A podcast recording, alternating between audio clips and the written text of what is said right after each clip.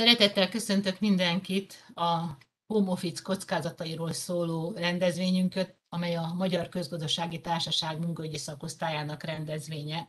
Én magam Arter Anna Mária vagyok, aki ezt a rendezvényt moderálni fogja. Előjáróban szeretnék néhány szót szólni a szakosztályunkról, a munkaügyi szakosztályról, amely már az elmúlt években több témával foglalkozott, a munkaerőpiac, a foglalkoztatás, mikro, mezó és makro kérdéseivel. Ezek 2020-ban a távoktatás, a munkavédelem és már a home office akkor is témáink között szerepelt, a fiatalok munkaerőpiaci esélyei, közepes jövedelmi csapda, és Webex konferenciát szerveztünk 2021-ben is, több alkalommal a foglalkoztathatóságról, város és foglalkoztatás, koronavírus és foglalkoztatás, mire jó a munkai balesetbiztosítás, az ifjúsági szakképzés és pályaorientáció kérdéséről is. Rögtön be is mutatnám előadóinkat, akik kb. 20 perces előadás keretében fogják elmondani választott témájukat. Mindenek előtt Demetrovicsi Zsoltot köszöntöm, aki egyetemi tanár, és Király Orsolyát, egyetemi adjunktust, akik a COVID-19 világjárvány hatásáról fognak beszélni a mentális egészség vonatkozásában. Sipka Péter munkaügyi szakértőnk, a Debreceni Egyetem Állam és Jogtudományi Karának adjunktusa a home office váratlan térnyeréséről, Simon Adél Csenge, doktorandusz az ELTE Pszichológiai Doktori Iskolájától a technostresszt és a, az e-mail szorongás kérdéskörében Nemeskéri Gyula, ügyvezető az Ergofit Kft-től, a Budapesti Műszaki és Gazdaságtudományi Egyetem címzetes egyetemi docense, a családos home office pszichoszociális kockázatairól fog nekünk beszélni. Én, mint már mondtam, Martner Anna Mária vagyok, és a Világgazdasági Kutatóintézetben dolgozom, a, a Magyar Közösségi Társadalmi Munkogyi Szakosztálynak elnökségi tagja is vagyok. El is kezdhetjük ezt a kis workshopunkat. Ki lesz az első előadó? Úgy látom, nálam Demetrovicsi Zsolt egyetemi tanár és Király Orsa egyetemi adjunktus van felírva. Nagyon köszönöm a, a meghívást és a lehetőséget, és valóban azt gondolom, hogy egy, egy borzasztó fontos és nagyon sokunkat, szinte valamennyünket érintő kérdésről van szó, akár hogyha általánosságban azt nézzük, hogy a, a világjárvány mi módon hatott a mentális egészségünkre, akár rövid távon, akár közép vagy hosszabb távon, és hát szűkebben nyilván ez nagyon szorosan kapcsolódik a munka világával is. Hogyha a járvány következményeit nézzük, ezek nagyon sokfélék lehetnek, most tényleg csak itt legáltalánosabban át tekintve ezeket ebben a, a, az előadásban. Nyilván egy, egy részt beszélhetünk egészen közvetlen következményekről, egyszerűen ugye egy olyan járványal állunk szemben, ami közvetlen halálos kockázatot jelent, akár saját magunkra, akár ugye a szeretteinkre, barátainkra, kollégáinkra, ismerőseinkre nézve. Sajnos ugye itt a, a hát legalábbis a harmadik hullámra tényleg oda jutottunk, hogy ez, ez egy elég komoly tapasztalat is lett tulajdonképp szinte mindenki számára valamilyen távolságban, de hát vesztettünk el rokonokat, ismerősöket, kollégákat, de hogyha ez nem következik be, akkor is magától a megfertőződéstől, a, a, annak a következményeitől, hosszú távú hatásaitól, vagy egyáltalán hát a, halálos kockázattal kapcsolatosan mindenképp ez egy, ez egy kiemelt szorongást, félelmet és a, és a szeretteinknek a, a, a féltését jelenti. Ráadásul ez egy olyan, olyan helyzet, amihez nem vagyunk hozzászokva, tehát hogy azért az fontos kiemelni, hogy a világnak ez a területe azért egy olyan terület, ahol, ahol élünk Magyarországon, Európában, általában a fejlett világban, ahol azért a közvetlen életveszély, ez a fajta közvetlen veszélyeztetettség, ez nem része a minden napunknak. Picit meg is lehetett talán, vagy lehet ebben az időszakban élni, hogy mennyire kivételezett ez a helyzet, hogyha a világ egészét tekintjük. Ezen túl ugye viszont nagyon sok közvetett köz, következménye is van a, a járványnak, illetve nem csak a járványnak egyszerűen, hanem a járvány megfékezésére tett intézkedések következtében, tehát a karanténhelyzet, a, a, a fizikai társas elszigeteltséget, illetve ellenkezőleg összezártságot is jelent, vagy jelenthet mindannyiunk, valamennyiünk számára, ami sokak számára a magányt, az egyedüllétet jelenti, tehát hogyha valaki amúgy egyedül lakott, akkor ott ez az elszigeteltség, ez fokozódhatott, ugyanakkor más esetekben pedig az összezártság az, ami stresszt vagy feszültséget okozhat, ez mondjuk a nem jól funkcionáló párok vagy családok esetében komoly nehézség lehet. Nagyon nagyok itt nyilvánvalóan a különbségek, hiszen ez a fajta összezártság, vagy az, hogy, hogy többet vannak a családtagok együtt, ez, ennek lehet pozitív hozadéka is kétségtelenül, de azért ez stressz, helyzet jelen, stressz helyzetet jelenthet egy jól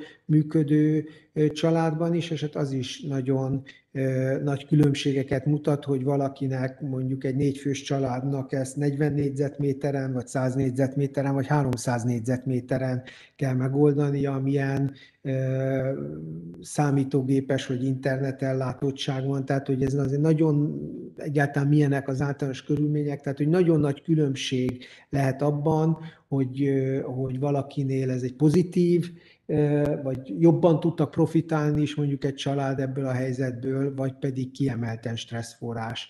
Jelentett ez objektív tényezőktől is függhet, amiket az előbb említettem, de nyilván olyan családdinamikai tényezőktől is, amik inkább a család funkcionálására utalnak, és nyilván ez a bezártság ugyanakkor egyáltalán beszűkíti a jól megszokott rekreációs tevékenységek lehetőségét, a feltöltődés lehetőségét, a barátokkal, kollégákkal való találkozásnak a, a, a lehetőségét. És egy további következmény a, az anyagi bizonytalanság, a munkahely elvesztése, vagy a munkahely elvesztésétől való félelem, megint csak egy olyan dolog, ami, ami egy nagyon releváns és nagyon közvetlen következmény a járványnak. Mindezek, és hát még lehetne ezt, a több időnk lenne tovább részletezni és folytatni a listát, de így felvillant és látszik, hogy ezek alapvetően egy súlyos stressz helyzetet jelenthetnek bárki, vagy legalábbis mindenképpen sokak számára. Hogy utaltam rá, azért lehetnek nagyon nagy egyéni különbségek abban, hogy ki hogyan éli meg ezt a, a stressz helyzetet, és egyáltalán milyen belső, személyes, vagy milyen külső erőforrások állnak a számára rendelkezésre abban, hogy megküzdjön ezekben a, ezekkel a, a nehézségekkel. Az egyik probléma mindenképp, hogy, hogy ebben a helyzetben a, a szorongásos problémák, depresszív tünetek, növekedhetnek, és e tekintetben egész bizonyosan azok, a, akik eleve veszélyeztetettek valamilyen mentális zavar szempontjából, vagy a függőséggel küzdők esetében ez a stresszforrás, ez potenciálisan további problémát jelentett. Meg kell jegyezni, hogy egyébként nem minden esetben jelent ez akuttan megjelenő problémát, tehát hogy az is elképzelhető, hogy adott helyzetben akár a mentális betegségekkel élők maguk is jobban tudnak módosítani egy ilyen kihívásokkal teli helyzetben, de hosszú távon mégiscsak mégiscsak fokozódhatnak a problémák, illetve ami nagyon fontos, hogy azok a, azok a rétegek, vagy azok a populációk, mondjuk a mentális zavarral élők, vagy a függőségi zavarral küzdködők, akik tehát a számukra a karanténhelyzet az azt is jelentette egyben, hogy az egészségügyi ellátás, vagy a pszichoszociális ellátás is beszűkült. Ugye egyrészt maguk a, a, az orvosok, pszichológusoknak is a, akár a megbetegedése, de hát az átcsoportosítások, egyáltalán az ambuláns ellátás, de akár a, a, a, a kórházi ellátásnak és a szűkülése révén sokan, akik korábban ellátásban voltak és ellátásra szorultak, ezt nem tudták megfelelően megkapni, vagy akár egyáltalán az utazási lehetőségnek a korlátozottsága miatt. Azzal együtt, hogy az érzékelhető volt egyértelműen a pszichiátria, pszichológiai ellátás területén, hogy nagyon-nagyon hamar reagáltak a szakemberek, és ahol lehetséges volt, próbáltak az online ellátási formákra átállni, ami mindenképp egy kompenzációs lehetőség, de nem minden esetben, illetve nyilvánvalóan sok esetben nem jelentett, vagy jelenthetett egy tökéletes megoldás, nem is jelenthetett mindenki számára egy elérhető megoldás, nem biztos, hogy az intimitás megoldható a másik oldalon. Tehát, hogy ezzel nyilván sok kérdés fölmerül azzal együtt, hogy azért ez a reakció, ez elég korán és, és viszonylag hatékonyan megjelent, sőt megjelentek olyan egyéb szupportív ellátási formák is, ahol amelyekben próbáltak segíteni, akár a mentális zavarokkal élőknek, de egyáltalán az általános populációnak is abban, hogy ezzel a, hogy ezzel a nehéz helyzettel megküzdjenek. Mik lehetnek ilyen megküzdési lehetőségek? Csak néhány felvetés. A, egyrészt a napirend. Ugye nagyon szenvedünk tőle, amikor benne vagyunk, vagy legalábbis sokat panaszkodunk, hogy esetleg minden percünk be van osztva, de amikor ez megszűnik, akkor, akkor az igen nagy probléma lehet. Tehát, hogy az a fajta szabadság, amit az ad, hogy nem kell bemenni a munkahelyre, hanem, hanem otthonról lehet a munkát végezni, az egyfelől szabadság, másfelől viszont egy külső kontrolláló tényező helyett megjelenik a belső kontrollnak a, a szükségességet, tehát saját magamnak kell a napi rendet e, kialakítanom, és van, akinek ez könnyebben megy, van, akinek nehezebben megy, de egy egyértelmű tanácssal éltek a szakemberek az első pillanattól kezdve, hogy, hogy történjen ez meg, maradjon, tartsuk fönt a napirendet, tartsuk fönt egyáltalán a szokásokat, tehát nem pizsamában kell végigvinni a, a napot, hanem jó, ha, a, ha a megszokott rutinok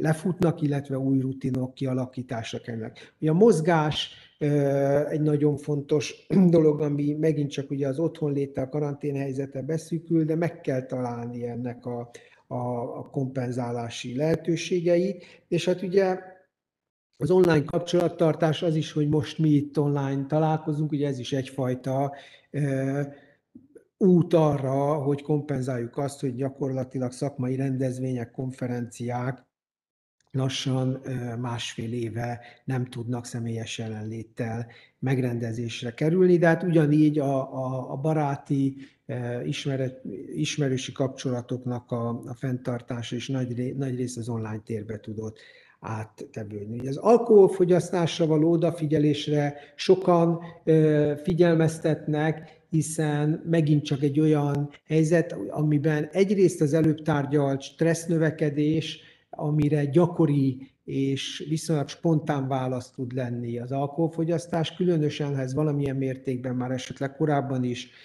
megvolt. Tehát ezért nagyon fontos, hogy, hogy akár tudatosan odafigyeljen a, az ember ebben az időszakban. Nyilván más időszakban is, hogy itt, itt kifejezetten arra, hogy az alkoholfogyasztás keretek közé kerüljön, vagy keretek között maradjon, és ugyanez az internet használatnak a számos lehetőségére, tehát az, hogy a karantén helyzet, az online munkavégzés, az internetes kapcsolattartás gyakorlatilag és jóval jelentősebb mértékben az internetre vagy a, a képernyő elé kényszerít minket, ezzel azért nő a kockázata annak, hogy az egyéb internetfogyasztási formákkal, videójátékok, vagy akár az online szerencsejáték, de egyéb tartalmaknak a használata is megnő.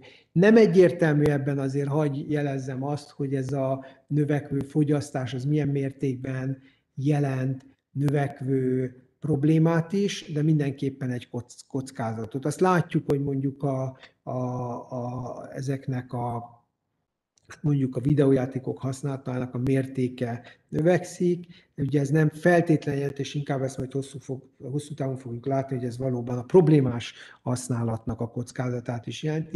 Ugye ez különösen azért a fiataloknál, vagy gyerekeknél, serdülőknél fontos, ahol megint csak elég sok olyan tanács, hogy lehetőség született itt meg az elmúlt időszakban, amiben szülőknek próbálnak segíteni a szakemberek, hogy mi módon lehet ezt keretek között tartani. Egy olyan helyzetben, ahol egyrészt ott van és tudjuk, hogy ott van a kockázat. Másrészt viszont ott van az, hogy, hogy a szülő otthon dolgozik, a gyerek otthon van, és mondjuk a szülőnek valami módon el kell látnia úgy a munkát, hogy közben a gyermek, gyerek is elfoglalja magát, akkor sokszor visszalogikusan adódik, hogy akár a videójáték is lehet egy ilyen forma. Szóval nagyon nehéz ebben egyensúlyt találni a, a kockázatok és a, a lehetőségek között.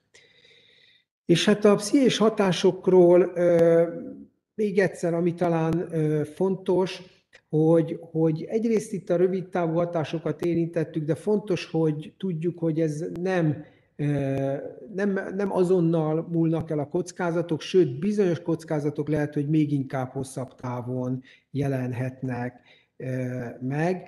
Egyrészt nem zajlott azért le ez az időszak, most úgy tűnik, hogy egy hullámvölgy vagy egy lazább időszak van, de azért egyrészt továbbra is ott a bizonytalanság, sőt, ugye sokan valószínűsítik, hogy lesz újabb, vagy lesznek újabb hullámok, és azt is tudjuk, hogy a magának a betegségen való átesésnek is lehetnek olyan hosszú távú pszichés hatásai, amivel foglalkozni kell a post-covid tünetek, nem csak a szomatikus tünetek szintjén, de a pszichés stressz eh, szintjén is jelen vannak.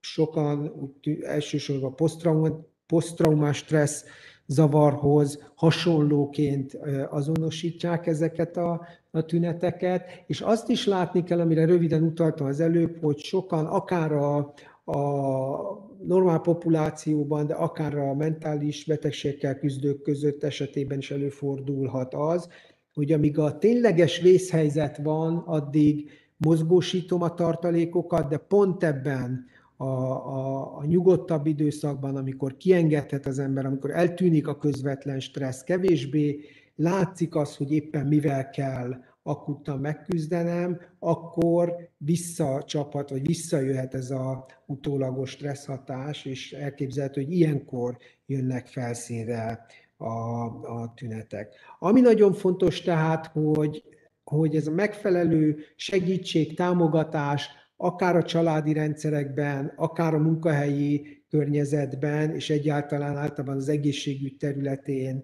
jelen legyen, és, és hogy tisztában legyünk azzal, hogy ez az egész járványhelyzet, ez nem pusztán egy, egy szomatikus, egy, egy, nem pusztán egy vírushelyzet, hanem nagyon, nagyon ö, alapvető, közvetlen és közvetett mentális ö, következményei vannak, amivel foglalkoznunk kell, és amire oda kell figyelnünk, mert ö, ezt nem tesszük, akkor a, a járványra épülve ez egy következő nehéz probléma halmaz lesz mindannyiunk számára. Köszönjük szépen mm, ezt a gondolatébresztő előadást, amely hát vitára vagy hozzászólásra fog bizonyára sokakat készíteni. Én csak azt jegyezném itt meg, hogy az egyik legérdekesebb számomra az volt ebből, hogy hát új képességek kifejlesztését is követelheti ez a, a pandémia és a home office, így például a képességet arra, hogy hogy, hogy saját magunk osszuk be az időnket, és saját magunk hajcsárai legyünk,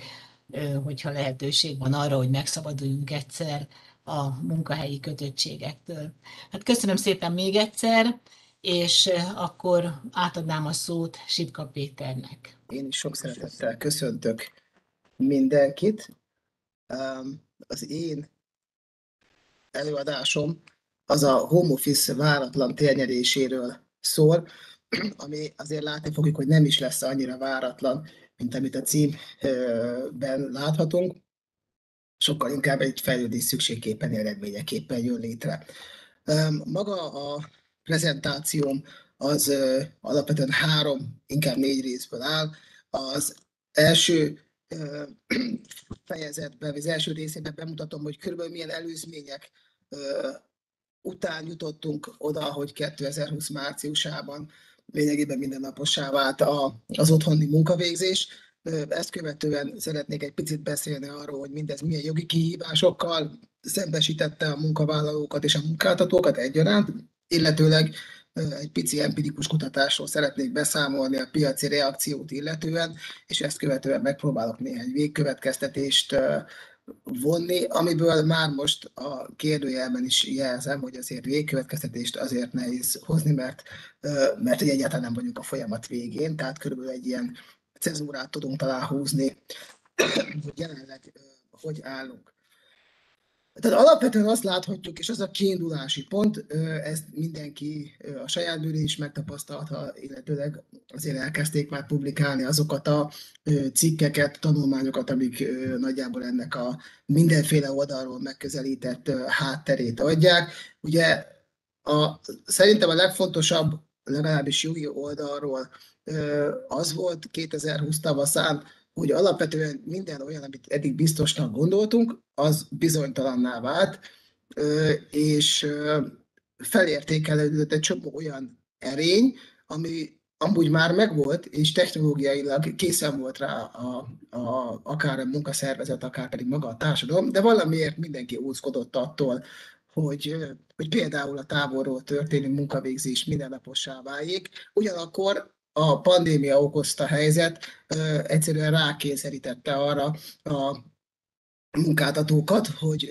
bevezessenek nagyon gyorsan olyan folyamatokat, amelyek a vállalatok működését megoldtak fenntarthatóvá, vagy lehetővé tették, és ugye itt már nem a, nem a növekedés, hanem a túléléstől szólt a történet. Ugye értem egy, ott egy, a szlájdon látható egy változás a változásban kijelentés. Ezt azért értem, mert azért ezt látni fogjuk, és erről fogok még nem sokára beszélni, hogy alapvetően ez nem egy derültékből villámcsapás megoldás volt a munkaerőpiacon, hanem egyébként ezek úgy többé-kevésbé már beépültek, főleg a multinacionális vállalatok mindennapjaiba, tehát összességében a, nem volt egy ismeretlen fogalom sem a távmunkavégzés, sem pedig a home office, ugyanakkor hirtelen közelségbe került minden, és hirtelen azonnyomban alkalmazhatóvá és alkalmazandóvá minden, vált mindez. A körülményekhez képest még egy nagyon fontos változás volt ugye az, hogy, hogy gyakorlatilag a veszélyhelyzet miatt egy adhok döntéshozatal született, a, remélem, hogy jogalkotó nem fog ezért megsértődni, de hogy azért lényegében egyik napra a másikra változtak a jogszabályok is, és a jogi környezet ugye általában megítélését tekintve is, ami ugye azért volt fontos, mert hogy egyszerűen a kiszámíthatóságot és a, a hosszú távú gondolkodást azt, azt lehetetlenné tették, de ugyanakkor az pedig egyértelmű volt, hogy a vállalatok és a munkáltatók fennmaradása érdekében legalább középtávú, tehát rövid távú stratégiát alkotni kell. Mindez vezetett oda, mindezen körülmények, hogy, hogy az otthonról történő munkavégzés, divatos nevén a home office elterjedt, és tulajdonképpen mindennapossá vált. Látható ugyanakkor az is, hogy ez nem egy előzmény nélküli folyamat, hiszen ha visszatekintünk az elmúlt évek fejlődésére, akár technológiai, akár jogi fejlődésére, láthatjuk azt, hogy, hogy minden, minden, minden lényeges elem már rendelkezésre állt, hiszen ugye a technológiai fejlődés, a robotika az, az már éreztette a hatását 2020 márciusa előtt is. Lényegében az online tér az kialakult, tehát a, határokon átnyúló szolgáltatások azok a mindennapok részévé voltak, részévé kerültek, és már megjelentek egyébként a rugalmas foglalkoztatási formák is, hiszen már ugye a Magyar MT, ami a jelenleg hatás 2012-es, már abban is találhatunk atipikus foglalkoztatási formákat, illetve számos olyan nemzetközi szervezet jogi dokumentumaival találkozhatunk,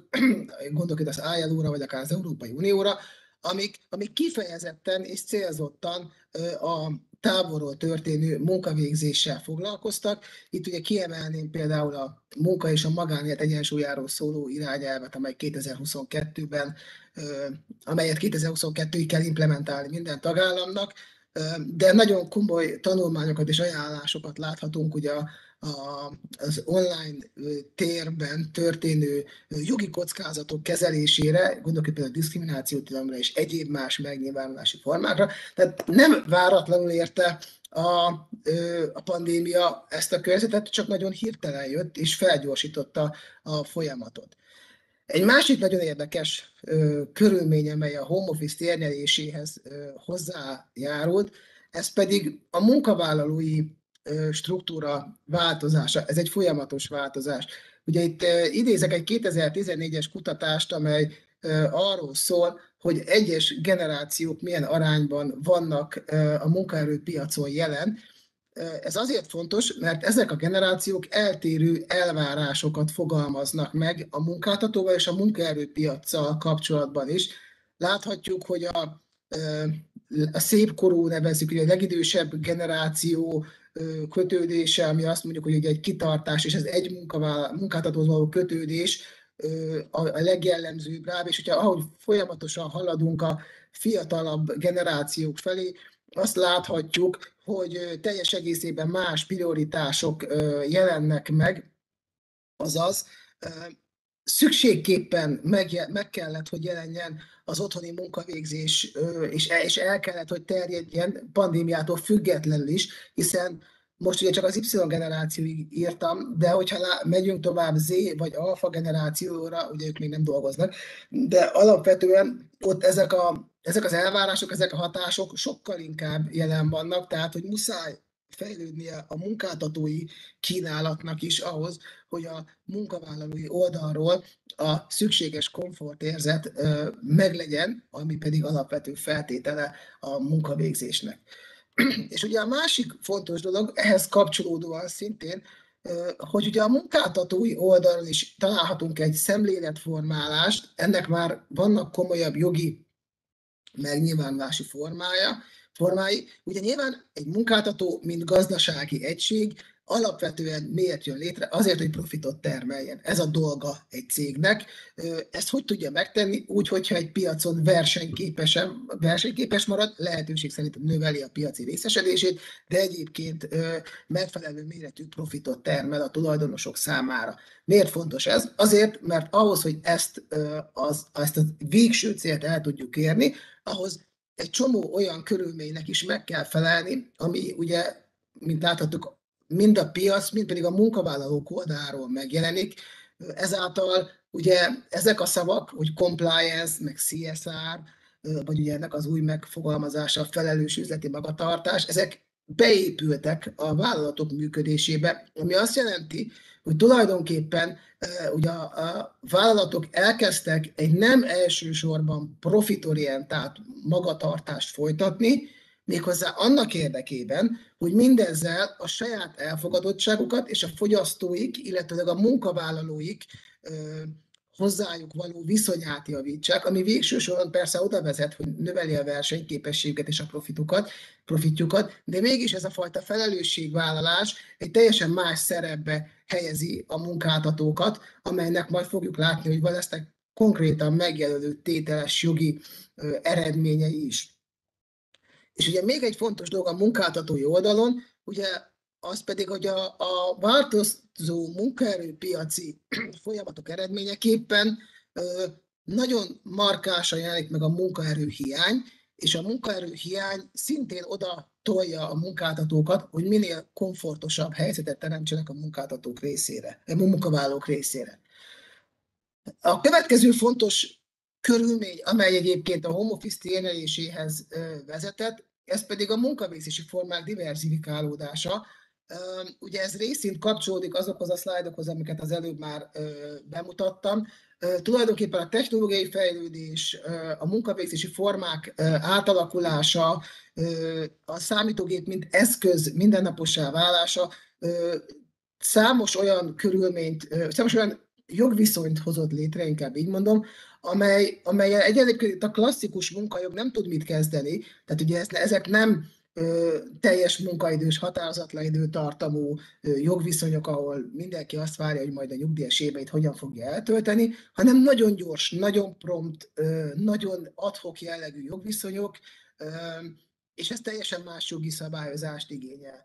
Ugye ehhez kapcsolódik hogy egy két ö, dokumentumot idézek, az egy OECD jelentés, amely ugye az új típusú munkavégzési formákat ö, jelöli meg, a másik pedig ez a World Economic Forumnak a 2020 decemberi jelentése, ami ugye arról szól, hogy 85 millió munkahely fog a következő 5 évben megszűnni, és 97 fog létrejönni, viszont ez a 97 már nem olyan lesz, mint amik megszűntek, hanem ez az új típusú ö, jogviszony nak, jogviszony mentén fognak létrejönni. És ugye ehhez még hozzá tartozik az, hogy alapvetően ez egy 2021-es publikáció, amit itt idézek, láthatjuk azt, hogy a, a, a távolról történő munkavégzéshez való alkalmazkodó képesség rendkívül különbözik a, a, a szerint, hogy egyébként az adott munkavállalók milyen, ö, milyen iskolai végzettséggel, milyen képzettséggel lépnek be ö, ebbe a szituációba. Összességében azt láthatjuk egyébként, hogy maga a home office az, az nem pusztán fekete vagy fehér, erről ugye az előző előadásban is volt szó, és a következőkben is várhatóan lesz szó. Én ezt most megpróbálok jogi, jogi kockázatok szempontjából megnézni, de láthatjuk azt, hogy, hogy alapvetően azon túlmenően, hogy van egy ténylegesen prof, profibb hozzáállás abból a szempontból, hogy, hogy kevesebb a, munka, a betegszabadság, nő a hatékonyság, nő a munkavállalói elégedettség, csökken az utazási költség, stb. A másik oldalról viszont nagyon komoly jogi kockázatok jelennek meg a tekintetben, hogy, hogy az irányítás, ellenőrzés és a munka magánélethez való jog fenntart, egyensúlyának fenntartása hát majdnem, hogy ellehetetlenül, de legalábbis elnehezül, és ugye ehhez kapcsolódnak még azok a pszichoszociális hatások, amik egyébként ezzel a jogtudományon kívüleső körülmények, de egyébként jelen vannak, és nyilván érezhetőek a munkáltatók mindennapjaiba is. Ami nagyon fontos, és ami a legnagyobb jogi kihívást jelenti, az ugye az, hogy, hogy ez a fajta technológiai, hogyan lehet a, a körülmények, a technológiai és a, pandémiás körülményeket olyan formában értelmezni, hogy ez jogilag befogadható legyen a nagyon szigorú jogi dogmatika keretei között is. Ugye összességében arról több kutatás van, ugye legutóbb Kis György akadémikus úr publikálta 2020-ban a könyvét a hosszú távú munkaszerződések problematikájára, és ugye, ugye arról szól ez a könyv, hogy alapvetően ugye egy szerződés, ahol konkrét jogok és kötelezettségek vannak rögzítve, abban az esetben, hogyha hosszú távra köttetik, mégpedig egy munkaviszony, az jellemzően egy határozat, vagy egy hosszú távú valami, abban az esetben nem tudja a klasszikus szerződéses funkcióját betölteni, hiszen a hosszú táv alatt ö, olyan, olyan változások alakulnak ki, mondjuk egy munkahelyen, ö, ami az alapvető és a klasszikus írott szerződésben rögzített jogok és kötelezettségek keretein túlmutatnak, új jogok jönnek be, új kötelezettségek jönnek be, új feladatok jönnek el, bizonyosokat el kell hagyni, tehát hogy, hogy ez egy ilyen dinamikus valami lesz, ami ugye azért alapvetően mindannyian érezzük, hogy ellentétben van a, a nagyon strikt, statikus szerződés fogalommal. Ezért ugye a feleknek van egy olyan kötelezettsége, hogy megtegyenek mindent annak érdekében, hogy ezt a szerződést fenntartsák. És ez egy nagyon fontos elem az otthoni munkavégzés fenntartása szempontjából. Ezt a munkajog úgy határozza meg, alapelvi hogy a munkavállalónak és a munkáltatók együttműködési kötelezettsége van, de ez lényegesen több ennél, a szerződés fenntartására irányuló lépéseket kell megtenniük. És ebben az kötelezettségükben nagyon markáns szerepet játszik a munkáltató gondoskodási kötelezettsége, ami az egyik ki nem mondott fő kötelezettsége a munkáltatónak, ami ugye lényegében azt jelenti, hogy olyan környezetet kell létrehoznia, amelyben lehetővé teszi azt, hogy a munkavállaló kiteljesítse a saját szakmai és magánéleti ö, igényeit. Tehát ez nem pusztán egy klasszikus pipálós rendszer, hogy igen, akkor megvan a munkavédelem, megvan ez az amasz, hanem hogy komplexen, egy jól gondoskodó munkáltató komplex gondoskodást biztosít a munkavállalója számára. Um, nagyon röviden hogy mit jelent ez a gyakorlatban? Erről egy korábbi közgazdasági társaságos anyagban már volt szó. Ugye nagyjából ez kb. ilyen öt pontba lehet összefoglalni, öt pontba lehet összefoglalni ezeket a kötelezettségeket. Ezek ugye a megfelelő dokumentálása, a megfelelő kommunikáció, a megfelelő tájékoztatás, az alapvető munkavédelmi szabályok betartása és betarthatósa, betartása, és itt nem csak a fizikai munkavédelmi szabályokról gondolok, hanem a pszichikai, tehát a mentális problémák kezelésére is, ugye az előző prezentációban jócskán láttunk példát, hogy alapvetően ez a munkáltató végső sorban álló kötelezettsége, hogy az ilyen típusú pszichoszociális kérdéseket kezelje. Illetőleg ugye nagyon fontos a ugye úgy értem, hogy a pihenőidő tisztelete, tehát hogy azt a fajta határt meg kell húznia a munkáltatónak, és ki kell, ezt, ezt a munkavállalónak is ki kell tudnia kényszerítenie, hogy a pihenéshez való jogát érvényesítse. Ugye erre van egy angol kifejezés, right to disconnect, azaz a lekapcsolódáshoz való jog, ami tulajdonképpen azt jelenti, hogy biztosítani kell a munkavállaló számára azt, hogy, hogy hogy, a, hogy fel tudjon töltődni, és, és a munkavégzéséhez szükséges nyugalmi állapotot meg tudja kapni. Egy nagyon érdekes kutatás született 2020-ban a Debrecen Egyetemen, egy nem reprezentatív felmérés arra vonatkozóan, hogy a munkavállalók és a munkáltatók hogyan reagáltak a, a Covid-ra, és hogyan reagáltak arra a helyzetre, amit a pandémia teremtett.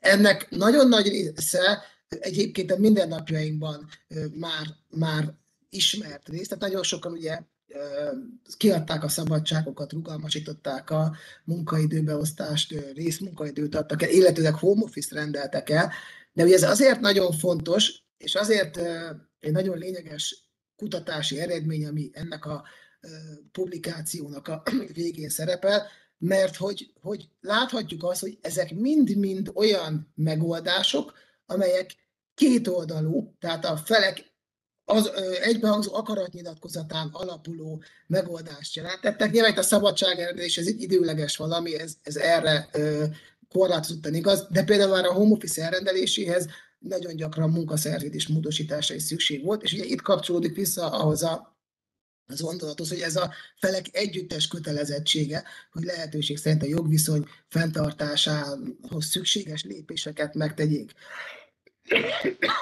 Mindezek alapján azt láthatjuk, hogy a home office térnyerésének, előretölésének a munkáltatói oldalon felmerülő előnyei és kihívásai az mindenképpen a munkaszervezés és a rugalmas foglalkoztatás, ugyanakkor a gondoskodó rugalmas foglalkoztatás egyidejű megteremtése mellett jelennek meg. Ugyanakkor pedig azt is látnunk kell, hogy a, ezt a helyzetet a jogalkotó jelenleg, hát hogy mondjam, visszafogott lelkesedéssel vagy intenzitással kezeli, hiszen számos kérdésben, például a munkavédelem, vagy az egyoldalú szerződés módosítás, vagy akár az egyenlő bánásmód tekintetében nem történt tényleges és, és célzott ö, jogalkotás. Ugyanakkor ez egy kérdés persze, hogy szükséges-e egyáltalán, hiszen azért azt láthatjuk, hogy többé-kevésbé a piac ezt a kérdést ö, rendezte. Én ezt a kérdést tenném egyébként így közvitára, és ezzel zárnám a soraimat. Köszönöm szépen a figyelmet. Mi is nagyon szépen köszönjük Sipka Péternek ezt a, a munka, munkáltatók oldaláról nyújtott képet, és nagyon érdekes volt ezt hallgatni, hogy hogy az a pandémia nyilván váltásra kényszerítette egy csomó tekintetben a munkáltatókat is alkalmaz, és az újabb technológiák és megoldások alkalmazására, és hát az jutott eszembe, hogy a kínai írásjegy, a válság, ugye ezt mostában nagyon sokat idézik, Magyarországon is ugye egyszerre jelenti a váltást, veszélyt, válságot és a lehetőséget, esélyt, és itt ez azért nagyon szépen kirajzolódott. Úgyhogy még egyszer nagyon szépen köszönjük. Most pedig akkor köszönöm szépen, és tehát még egyszer Sitka Péternek is, és átadnám a, a képernyőt Simon Adél Csengének, aki a technostressz és az e-mail szorongás kapcsolatáról fog előadást tartani. Én is nagyon sok szeretettel üdvözlök mindenkit. Simon Adél Csenge vagyok az Ötvös Lorán Tudományegyetem Pszichológiai Doktori Iskolájának doktorandusza, és ahogy az előbb elhangzott, a technostresszről és az e-mail szorongásról szeretnék egy kicsit beszélni. Igazából az én témám, amivel a mai napra készültem, nagyon szorosan kapcsolódik az előttem elhangzott előadásokhoz, hiszen a home office és azon belül is a digitalizációnak a pszichológiájával, szervezet pszichológiai oldalával szeretnék egy kicsit foglalkozni. Először egy kicsit arra szeretnék reflektálni, hogy tulajdonképpen a digitális eszközök, a digitális elérhetőségek nélkül a mai világunk elképzelhetetlenné vált. Ez különösen igaz a munkavilágára is. Ez természetesen a COVID-19 világjárvány előtt is igaz volt már, viszont a korlátozások kapcsán bevezetett kötelező home office, ahogy ugye az előbb is hallhattunk, nagyban módosította és gyorsította ezt a típusú digitalizációt. Létrejött egy tulajdonképp egy állandó elérhetőség, ami a munkához köt és a szervezethez köti a munkavállalókat, ezáltal nagyban elmosódtak a határok a munka és a magánélet között. Fontos azonban kiemelni, hogy nem az okostelefonok megjelenése vagy a világjárvány okozta lezárások voltak azok, amivel, ami ezt az elmosódást létrehozta, hiszen ennek az előzményét már a BlackBerry megjelenésével is lehetne kutatni. Az volt az első olyan okos eszköz, vagy digitális eszköz, amilyen keresztül a munkavállaló az irodából távozása után is kapcsolatba tudott maradni a szervezetével, vezetőjével és a munkájával. Ennek az elmosódásnak, illetve kötődésnek ö, olyan szintre nőtt most már a szintje, hogy vannak kutatók, akik elektronikus pórázról beszélnek, tehát hogy a munkáltató és a szervezet gyakorlatilag ellehetetleníti a munkavállalónak a pszichológiai leválását a szervezetről. Valójában megjelent egyfajta szervezeti elvárás az állandó elérhetőségre. Ennek lépése az, hogy nagyon sok szervezet okostelefont vagy laptopot biztosít a munkavállalójának, ezért cserébe valóban azt várja, hogy ha egy munkahelyi e-mail, egy sürgős ügy, egy rövid határidő beesik, akkor akár tényleg a szabad idejébe, éjszaka, hétvége reagáljon erre. Ugye itt most a COVID-19 világjárványra is egy kicsit reflektálva, ez különösen igaz lett, hiszen amikor családok voltak otthon, volt, hogy ezek a munkaidő keretek teljesen eltűntek, és voltak olyan szülők vagy olyan munkavállalók, akik éjszakában nyúlóan dolgoztak, vagy csak akkor tudtak dolgozni, vagy csak egyszerűen elvesztek a napi 8 óra munkát, munkaidő kereteit. Ugyanakkor nagyon fontos kiemelni, hogy nem csak szervezeti elvárásokról beszélhetünk egy ilyen típusú elhosódás kapcsán, hiszen ennek munkavállalói előnyei is vannak. Számos kutatás bizonyítja, hogy a munkavállalók nagyon gyakran akkor válaszolnak munkaidejükön túl szervezeti és céges e-mailekre, hogyha ezzel valamilyen pozitív benyomáskeltést szeretnének gyakorolni vezetőjükre, illetve csoporttagjaikra.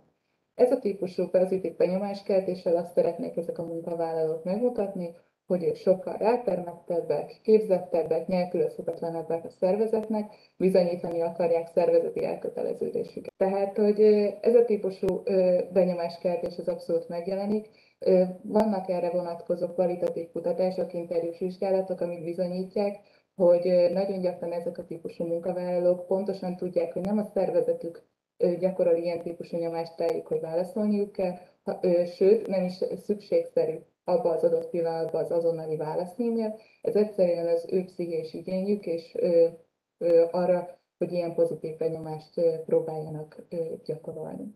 Megint csak egy érdekes kutatási eredmény, hogy ennek ellenére az érzelmi elköteleződésük ezeknek a munkavállalóknak nem nagyobb a szervezet felé, mint azoknak, akik mondjuk nem válaszolnak azonnal egy esti e-mailre.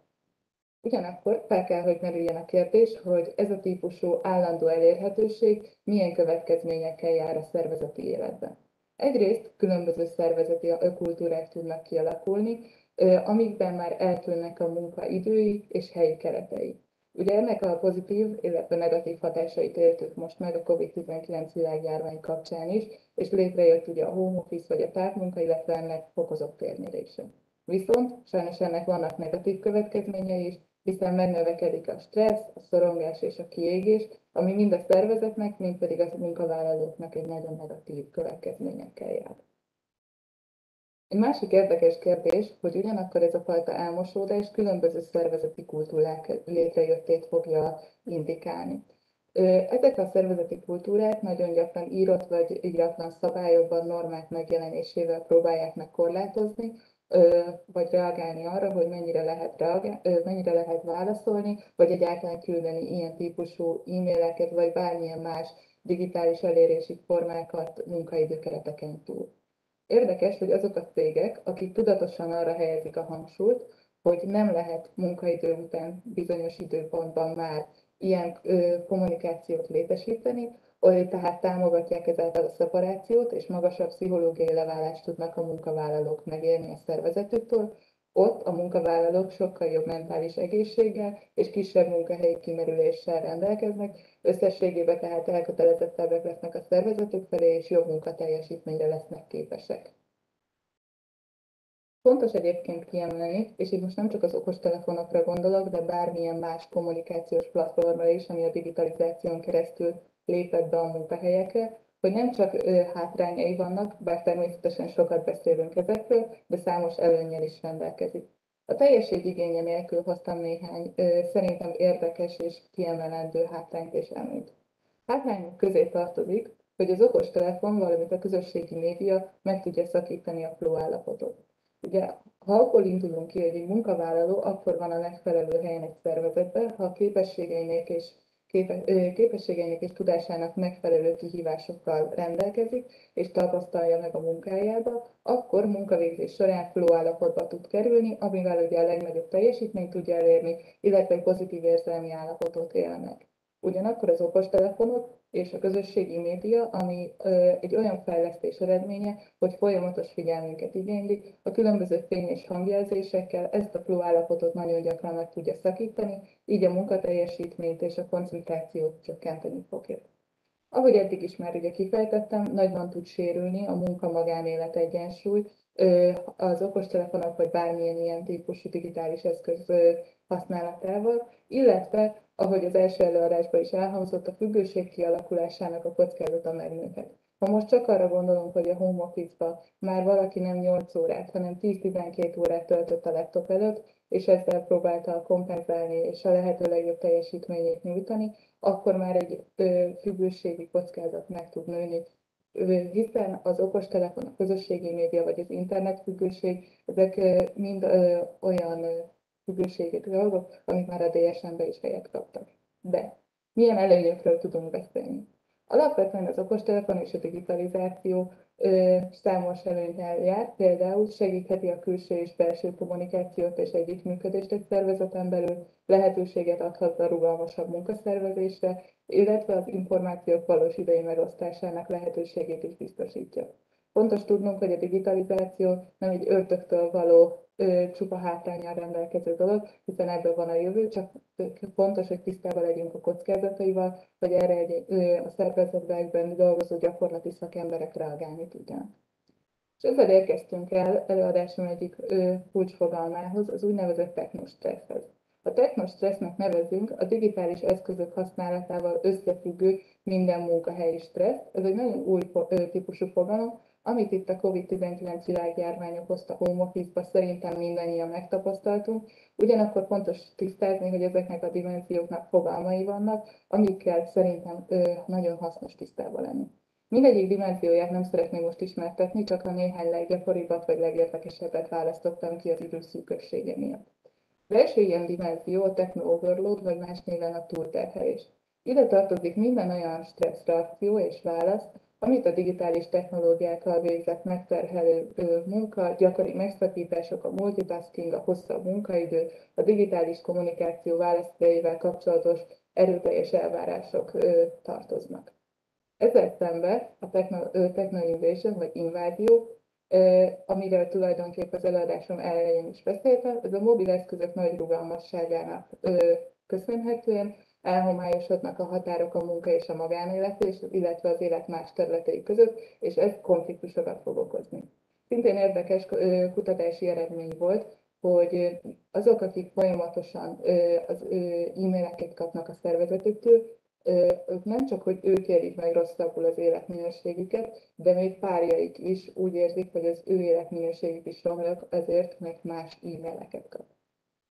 Másik érdekes technostressz fogalom a technokomplexitás. Ez az új digitális technológiák, amik kiemelkedően bonyolultak, és kihívást jelentenek a megtanulásuk a munkavállalóknak.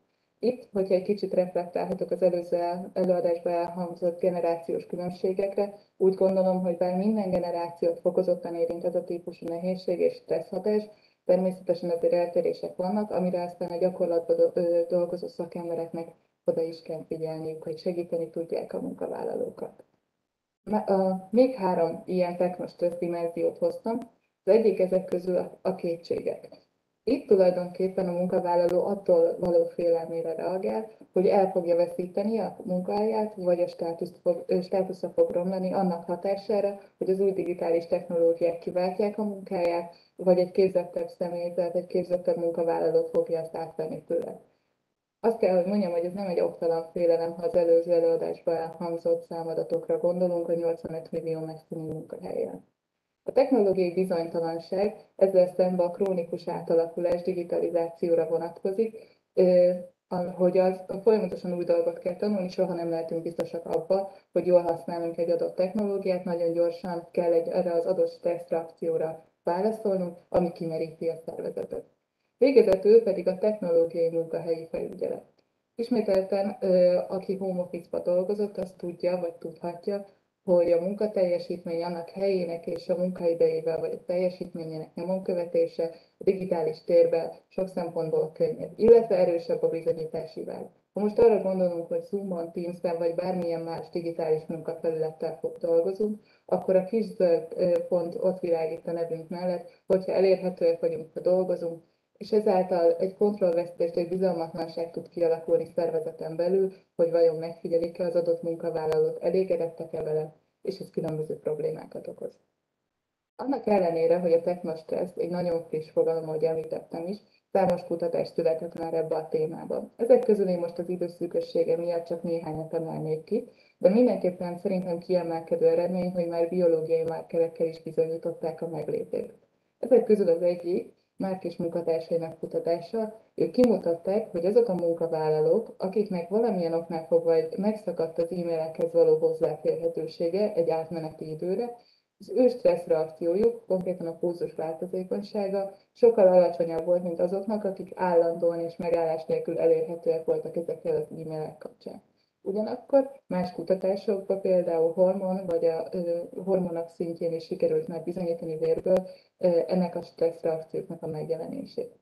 Illetve keresztmetszeti kutatások már bizonyították, hogy a technostressz az a, összefügg a rossz mentális egészséggel, a kiégéssel és a depresszióval. Ugyanakkor egyelőre okokozati kutatásokra még nem sikerült bizonyítékot találni. Én úgy gondolom, hogy ez egyelőre az időszűkösségével köthető össze, tehát hogy ezek a publikációk még nem jelentek meg, de biztos vagyok benne, hogy ilyen irányú kutatások is folynak jelenleg. Végezetül pedig szeretnék egy kicsit az e-mail szorongásról beszélni, hiszen ennek a témáját már egy kicsit az előadásomban érintettem. Ez egy speciális szorongás, egy olyan technos teszt, ami a munkahelyi e-mailek válthatnak ki. A kutatók három különböző okot határoztak meg eddig, és három különböző fajtáját az e-mail szorongásnak. Az első ilyen a válaszkényszer lett. Tehát a beérkező e-mailekre azonnali hatállyal válaszolni kell, megszakítja a munkát, a munkaidőnek mennyi idejét fogja ez elvenni, illetve nem tudja a saját szabad idejét se élvezni a munkavállaló, hiszen úgy érzi, hogy bármelyik pillanatban érkezhet egy e-mail, amire azonnal reagálnia kell. A második típusa amikor nem tudja a munkavállaló meghatározni a levél írójának hangulatát és kommunikációs stílusát, ezért egyfajta szorongás jöhet rajta úrá, hogy vajon ezt most ironikusnak szánta, vagy nem. Úgy gondolom, hogy ez egyébként a office kívül is megjelent már, bár mindenképpen érdekes, hogy amikor a személyes interakciókból elveszik a metakommunikáció, és kizárólag az írásbeli formákba kell értelmezni mondjuk egy viccet, akkor ez milyen problémákat vagy feszültségeket tud szülni szervezeten és csoporton belül. Végezetül, és szerintem ez az, amire legtöbben gondolunk, amikor ez a fogalom elhangzik, akkor ez az e-mailekkel való elárasztottság.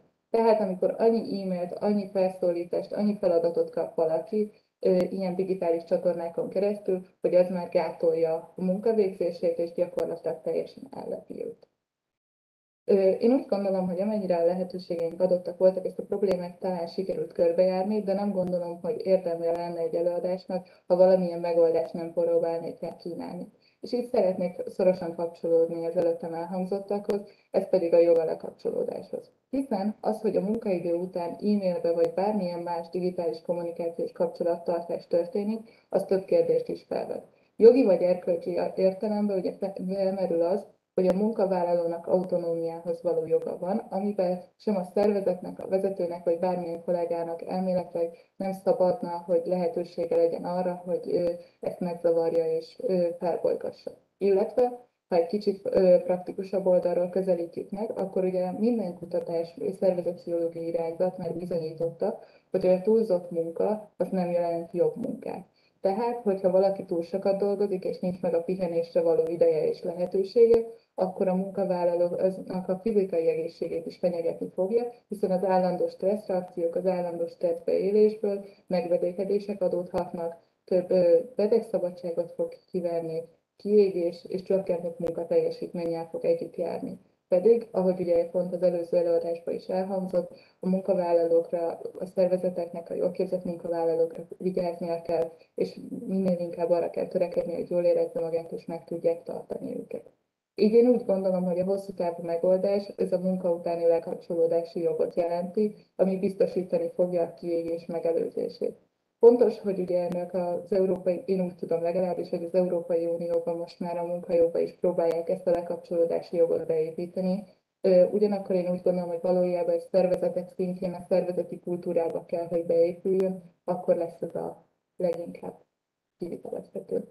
Köszönjük szépen, nagyon élvezetes volt, és főleg a többi előadáshoz való kapcsolat kiemelése volt számomra igazán tanulságos, nagyon sok gondolatot ébresztett. Köszönöm szépen tehát, és akkor most átadnám a, a szót Nemeskéri Gyula, Gyulának, aki az Ergofit Kft. ügyvezetője, és a Budapesti Műszaki Gazdaságtudományi Egyetem címzetes egyetemi docense, hogy a családos home office pszichoszociális kockázatairól beszéljen nekünk.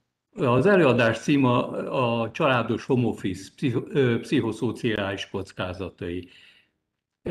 Nagyon sok mindent hallottunk az elmúlt évben a családos problémákról. Úgy gondoltuk, hogy ezeket érdemes lenne együttesen számba venni, hiszen ezeknek a különböző terhelő hatásoknak vagy stresszoroknak a megoldása, a csökkentése csak akkor lehetséges, hogyha egységesen átlátjuk, hogy ezen a területen mi történik. Mi adja tulajdonképpen a téma aktualitását? Készült nemrég egy KSH felmérés a home office-ban foglalkoztatottak számáról. Nagyon megugrott, háromszorosára megugrott a home office-ban vagy távmunkában foglalkoztatottak száma. Ez közel 760 ezer embert jelent, ez azért is érdekes, mert látszik, hogy előtte olyan 150-200 ezerről nagy volt az ugrás, és akkor még nem nagyon foglalkoztunk a távmunka különböző stresszoraival, ami kevés embert érintett. Most viszont egy olyan jelentős foglalkoztatott tömegről van szó, vagy főről van szó, ahol ez a kérdés már szinte megkerülhetetlen. Különösen akkor, hogy azt mondjuk, hogy ez a nagy létszám nem egy homogén minta, hanem eléggé szegmentált, és hogyha ebben gondolkodunk, akkor látjuk, hogy a 25-40 év körüli nők felülreprezentáltak ebben a csoportban, különösen azok, akiknek 15 éven aluli gyermekük volt. Tehát akkor, amikor összegyűjtöttük a családos home office területén megjelenő pszichoszociális tényezőket, terhelő hatásokat, azt mondtuk, hogy nézzük meg, hogy elsősorban a 25-44 év körüli családos hölgyek esetében milyen stresszorok jelenhetnek meg. Feltételezésünk az, hogy ebben a körben leginkább jelennek meg olyan tényezők, amelyeket nem csak ebben a csoportban kell majd későbbiekben figyelembe venni, hanem általában a távmunka vagy a home office elterjedése kapcsán érdemes ezekre valamilyen megoldást találni, vagy ezekkel a kérdésekkel külön foglalkozni. Bevallom őszintén, hogy zavarba vagyok, mert nem tudom igazából, hogy milyen elnevezést használjak. Tudni egy dolog, hogy mi a távmunka, azon belül mit jelent a home office, de amiről mi beszélünk tulajdonképpen minőségében egy picit más. Hiszen azzal, hogy a pandémia okozta egészségügyi korlátozások a home office elterjedését kiváltották. Ez egyben azt is jelenti, hogy ha a pandémia megszűnik, akkor maga a home office fogalma is más értelmet nyer, mint amit most használunk. Ne felejtsük el, hogy most valójában egy sajátos karantén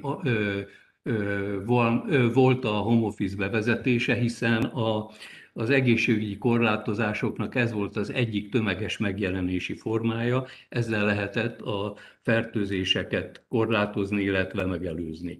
Tehát bajba vagyok, hogy eleve a mostani helyzetre milyen eh, elnevezés használjunk.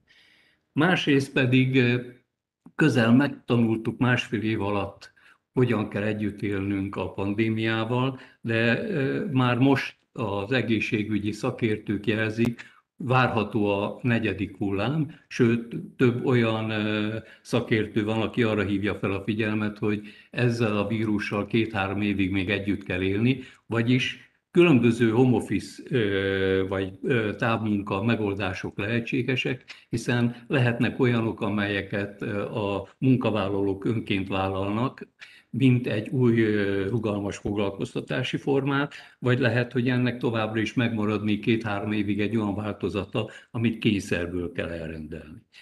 Én az elemzésemet a kényszerből elrendelt helyzetre hoztam, nem pedig a szabadon választott távmunka megoldásokra. A pszichoszociális tényezőknek a stresszorai négy fő csoportra oszthatók a mi felmérésünk szerint, és azon belül tíz alcsoport jelenik meg. Miért fontos ez? Mert nagyon gazdag ezen stresszoroknak a tárháza, és az, hogy mondjuk ki milyen csoportosításban, milyen részletességgel dolgozza fel, ez nem csak igényesség kérdése, hanem adott esetben egy bizonyos munkaterületen a szervezet jellegzetességeitől, a munkakör, a munkafeladat jellegzetességeitől függhet. Vannak nagyon egyszerű pszichoszociális kockázat megállapítására vonatkozó kérdőívek, és vannak nagyon részletesek. Mi a részletesebbet választottuk, ezért nem is fogok minden olyan kérdésre kitérni, ami a szlájdban szerepel. Azért gondoltam, hogy mégiscsak kiírok mindent, mert hogyha valaki ezzel későbbiekben foglalkozni szeretne, lehet, hogy tudtunk néhány olyan gondolatot adni részükre, ami későbbiekben jó felhasználható. Bizonyos értelemben van egy pici átfedés Dematrovics Zsolt előadásával, ott egy picit meg is éltem, hogy huha, már van egy olyan előadás, amelyik az én előadásomnak a részletességét megkérdőjelezi, de talán tudok néhány új gondolatot mondani. Az egyik annak ellenére, hogy valaki home office-ban dolgozik és van munkája, az nem azt jelenti, hogy nem fél a munkanélküliségtől, vagy a saját munkáját félti, vagy a családtagjainak a munkáját félti. A másik, hogy ez a félelem kiegészül azzal, hogy kinek milyen tartalékai vannak, hiszen az, aki elegendő tartalékkal rendelkezik, esetleg azokat az időszakokat könnyebben átvészeli, amíg új munkát talál, vagy a szervezete újból teljes munkaidőben tudja foglalkoztatni. És ide kapcsolódik az is, hogy vannak olyan szakmák, vagy lehetnek olyan földrajzi területek, ahol ha valaki munkanélkülévé válik, nem igen tudja a tudását értékesíteni. Vagy azért, mert speciális tudása van, vagy azért, mert azon a területen nagyon nehéz új munkát találni. A foglalkoztatáshoz kapcsolódó stresszorok között meg kell említeni a munkavállalói érdekvédelem korlátozottságát is, hiszen azzal, hogy valaki otthon végzi a munkáját, beszűkül a kapcsolatrendszere, így az érdekvédelmi szervezetekkel, vagy az érdekvédelmi szervezeteken belül a különböző tisztviselőkkel, vagy tisztségviselőkkel a kapcsolat is beszűkül, tehát adott esetben az egyéni érdekvédelem korlátozottsága is megjelenik leggazdagabb a munkafeladat jellemzőiből adódó stresszorok tárháza. Ami ebben a speciális célcsoportban megjelenik, az a mennyiségi túlterhelés időnyomás. Miért érdekes ez? Hát azért, mert azzal, hogy egy családos anya otthon marad, az otthon maradás nem csak azt jelenti, hogy ezentúl otthon fogja végezni a feladatát, hanem számos feladat esik egybe. Egyrészt ugye el kell végezni a munkafeladatát, másrészt viszont a háztartás, a gyermekekkel való foglalkozás, illetve egy speciális új feladat, a távoktatás hiányosságainak a kiegészítése együttesen jelenik meg. Ráadásul ezt a mennyiségi túlterhelést, időnyomást az is nehezíti, hogy itt nem lehet olyan könnyen szétválasztani ezeket a különböző feladatokat. Tulajdonképpen, ha valamelyikbe belekezd, lehet, hogy meg kell szakítani, és egy másik feladatba kell belekezdeni. Tehát akárhogy is nézzük, ebben a családos anya célcsoportban óhatatlanul számolni kell azzal, hogy megnő az aktív idő aránya, és csökken a pihenésre vagy rekreációra, magánéletre fordítható idő. Sőt, a munkaszervezés, az időbeosztás is megnehezül, sőt, nem tőle függő tényezők fogják meghatározni, hogy éppen milyen feladatokat kell végezni. Gondolok például a távoktatásra. Gondol, képzeljék el, hogyha valakinek van két-három 8, 10, 12, 14 éves gyermeke, akik közül nem mindenki alkalmas az önálló tanulásra. Sőt, itt meg kell említenem, hogy a kialakult távoktatási gyakorlat igazából nem használta ki az internet lehetőségeit, tehát azok a modern e-learninges tanulási anyagok nem igen jelentek meg, és valójában egy anyának pedagógus kell pótolnia, sok olyan plusz feladatot kell elvégeznie, hogy a gyermeke lépést tudjon tartani a feladatokkal, a tanulásban kapott különböző, sokszor túlzott mértékű feladattal. A munkafeladat jellemzőiből adódó stresszorok közül megjelenik, illetve tulajdonképpen felerősödik egy csoport, ez pedig azt jelenti, hogy a munkahely és az otthon egybefolyik, ami azt jelenti, hogy térben és időben egy helyre zsúfolódik össze a munka és a magánélet. Egyben ez azt is jelentheti, hogy az intim zóna is beszűkül. Most az intim zóna alatt értem az, hogy ha valaki a családban szeretne elvonulni, ez már sokkal nehezebb, különösen akkor, hogyha a lakáskörülmények ennek a megfelelő feltételeit nem tudják biztosítani. És tulajdonképpen ez egyben megnehezíti azt is, hogy valaki elmélyülten tudjon a munkájára koncentrálni, hiszen ez a keveredés, az intim zóna hiánya, ez azt jelenti, hogy sokszor minden feladat közel egy térben történik. Ez későbbiekben súlyos konfliktusokat jelenthet, hiszen egyrészt a családtagok nehezen tolerálhatják azt, hogy esetleg a anya dolgozik, és ebből adódóan ők bizonyos dolgokat nem csinálhatnak.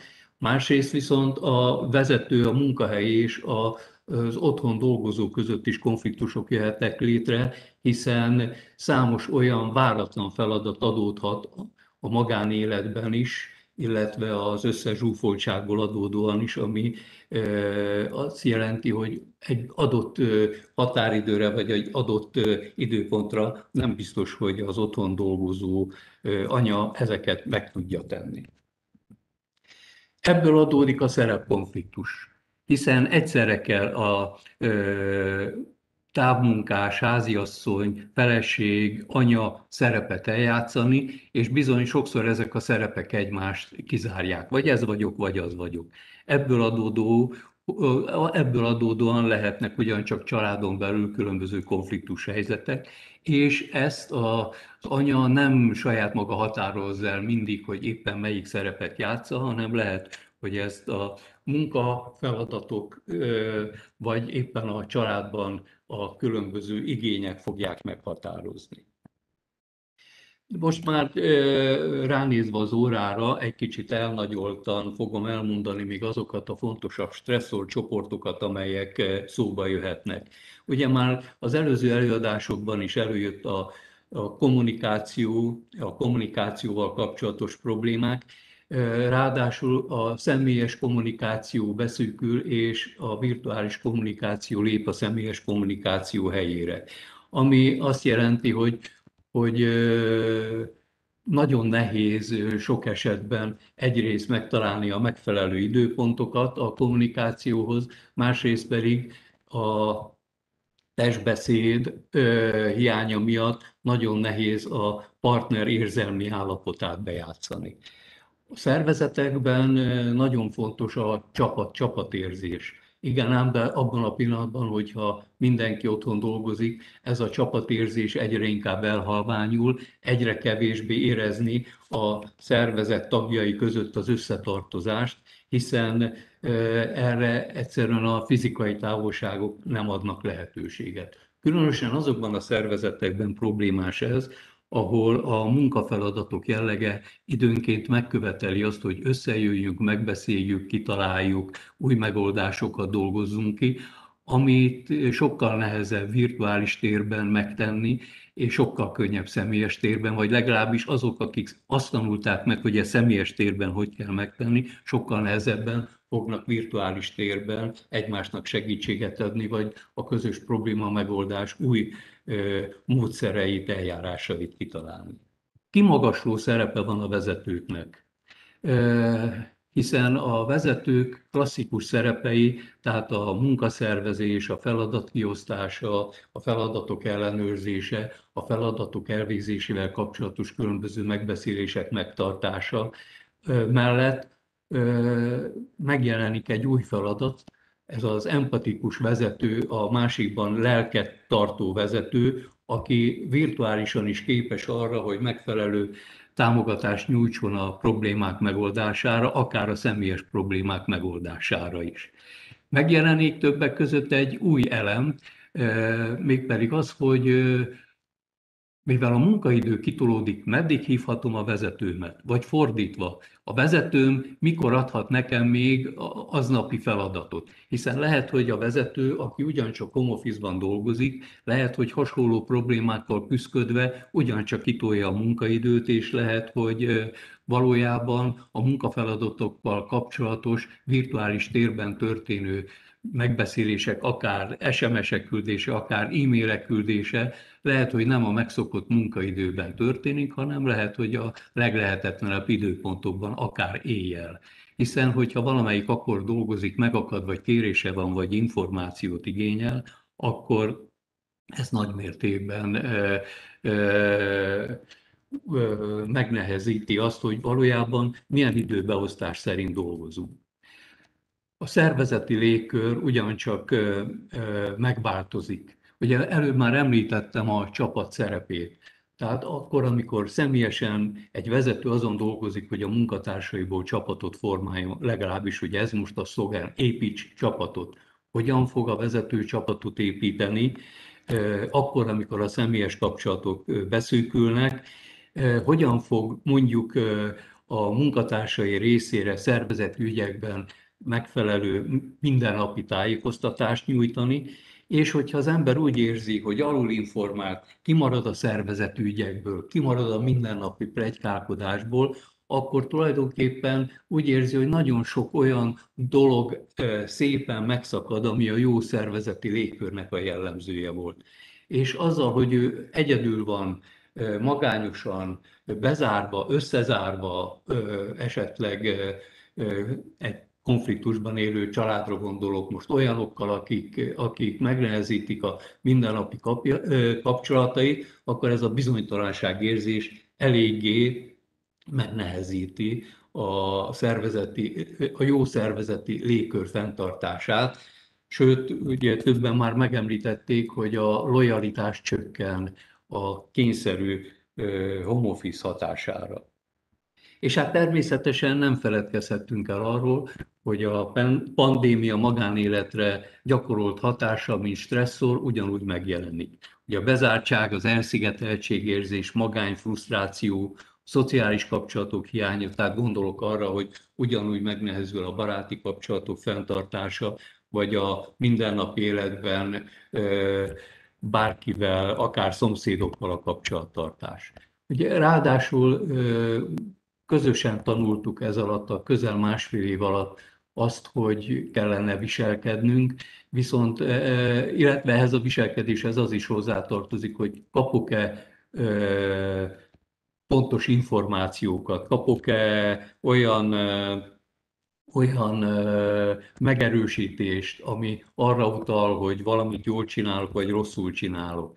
Vagy például az ellentmondó információk, a tömegkommunikációban megjelenő különböző álhírek és egyéb dolgok, amik megzavarhatják tulajdonképpen a tájékozódásomat, ezek mind nehezítik a helyzetet. Ugyancsak az aggódás a családtagok iránt. Például ugye ez a korosztály nagy valószínűséggel rendelkezik még idős szülőkkel, és az idős, ö, idős való kapcsolattartás megnehezül, vagy az ő ellátásuk ö, ö, olyan nehézségeket jelent, amit nem biztos, hogy mindenki meg tud oldani. És ugye nem hagyhatjuk figyelmen kívül azt, hogy a családon belül esetleg a verbális, vagy akár a fizikai erőszak ugyancsak nagyon komoly stresszor lehet. Tehát az aklatás, bántalmazás sajnos az összezártság következtében lehet, hogy felerősödik. Tudom, hogy egy kicsit gyorsan végigszaladtam azokon a különböző terhelő hatásokon, amelyek megjelennek, a, vagy megjelenhetnek a, a célcsoportunkban, tehát a 24-44 év közötti gyerekkel rendelkező hölgyek esetében, de viszont attól függően, hogy ténylegesen mik azok a hatások, amelyekkel számolnunk kell, célszerű lenne egy olyan kutatást végrehajtani, amelyik pontosabban, egyértelműben meghatározza, hogy meg, mik lehetnek azok a stresszorok, amelyek ebben a célcsoportban az életet megnehezítik. Reméljük, hogy nem sokára egy ilyen kutatásról beszámolhatunk. Nagyszerű, nagyon szépen köszönöm ezt az érdekes előadást is, és az előadóinak külön köszönöm, hogy egészen pontosan tartották az időt, sőt, még voltak is spórolt is vele, így aztán papírforma szerint tudunk haladni. Azért azt megjegyezném, hogy nagyon érdekes volt számomra, hogy minden előadás leginkább a problémákat emelte ki, még hogyha a pozitív fejleményekre fel is hívta a figyelmet, és ez a, az általam említett válság és lehetőség ennek a második része talán egy kicsit kevésbé volt kidomborítva, és én, az én kérdésem egy általánosságban, hogy majd ha idejük engedi, megválaszolnák, hogy hát ez vajon nem annak tudható ebbe, hogy azért ez egy tanulási fázis. Továbbá még az is eszembe jutott, hogy hogy az nem merült fel egyik előadó esetében sem, hogy itt azért van egy alap, tehát hogy sokszor említették, hogy azért a home office azért okoz problémát, különösen akkor okoz problémát, hogyha valamiféle bizalmi hiány van, rossz családi viszony, hogyha a főnök beosztott viszony nem jó, hogy félünk a konkurenciától, és a többi, és a többi. Tehát, hogy az egésznek a mélyében azért a társadalmi problémák feszülnek, amire ez a home office rátelepedett generációs vagy technológiai kérdés a távmunka. Van-e erre valakinek eh, válasz előadóink közül? Hogy a home office mennyiben gyorsította fel a mobilitást a munkaerőpiacon? Arányaiban többen vállalnak, eh, váltanak amiatt munkahelyet, hogy jobb home office feltételeket kínáló eh, munkahelyet találjanak maguknak. Szempont lett ez az álláskeresés során? Bocsánat, én, én lehet, hogy megkísérelnék válaszolni az első kérdésre, legalábbis jogász szemmel.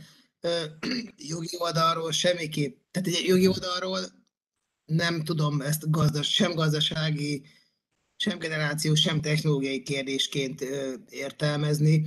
Én azt gondolom, ez egy adottság, egy körülmény, amihez alkalmazkodni kell, ö, és ö, ennek, ennek megfelelő kellően kontrollált szabályozásával én azt gondolom, hogy hosszú távon ez be fog épülni aggálytalanul a mindennapjainkba, sokkal jobban, mint amennyire most be van épül, beépült, de arra visszautalva egy picit, amit a slide-jaimban is mutattam meg, arról beszélt Nemes tanárul is, hogy azért ez ahogy a generációk alakulnak, és ahogy egyre inkább ez a fajta technológiai körülmény vagy környezet mindennapos része lesz egy egy egyén fejlődésének ugye egyre inkább elvárás lesz ez, nem pedig egy privilégium.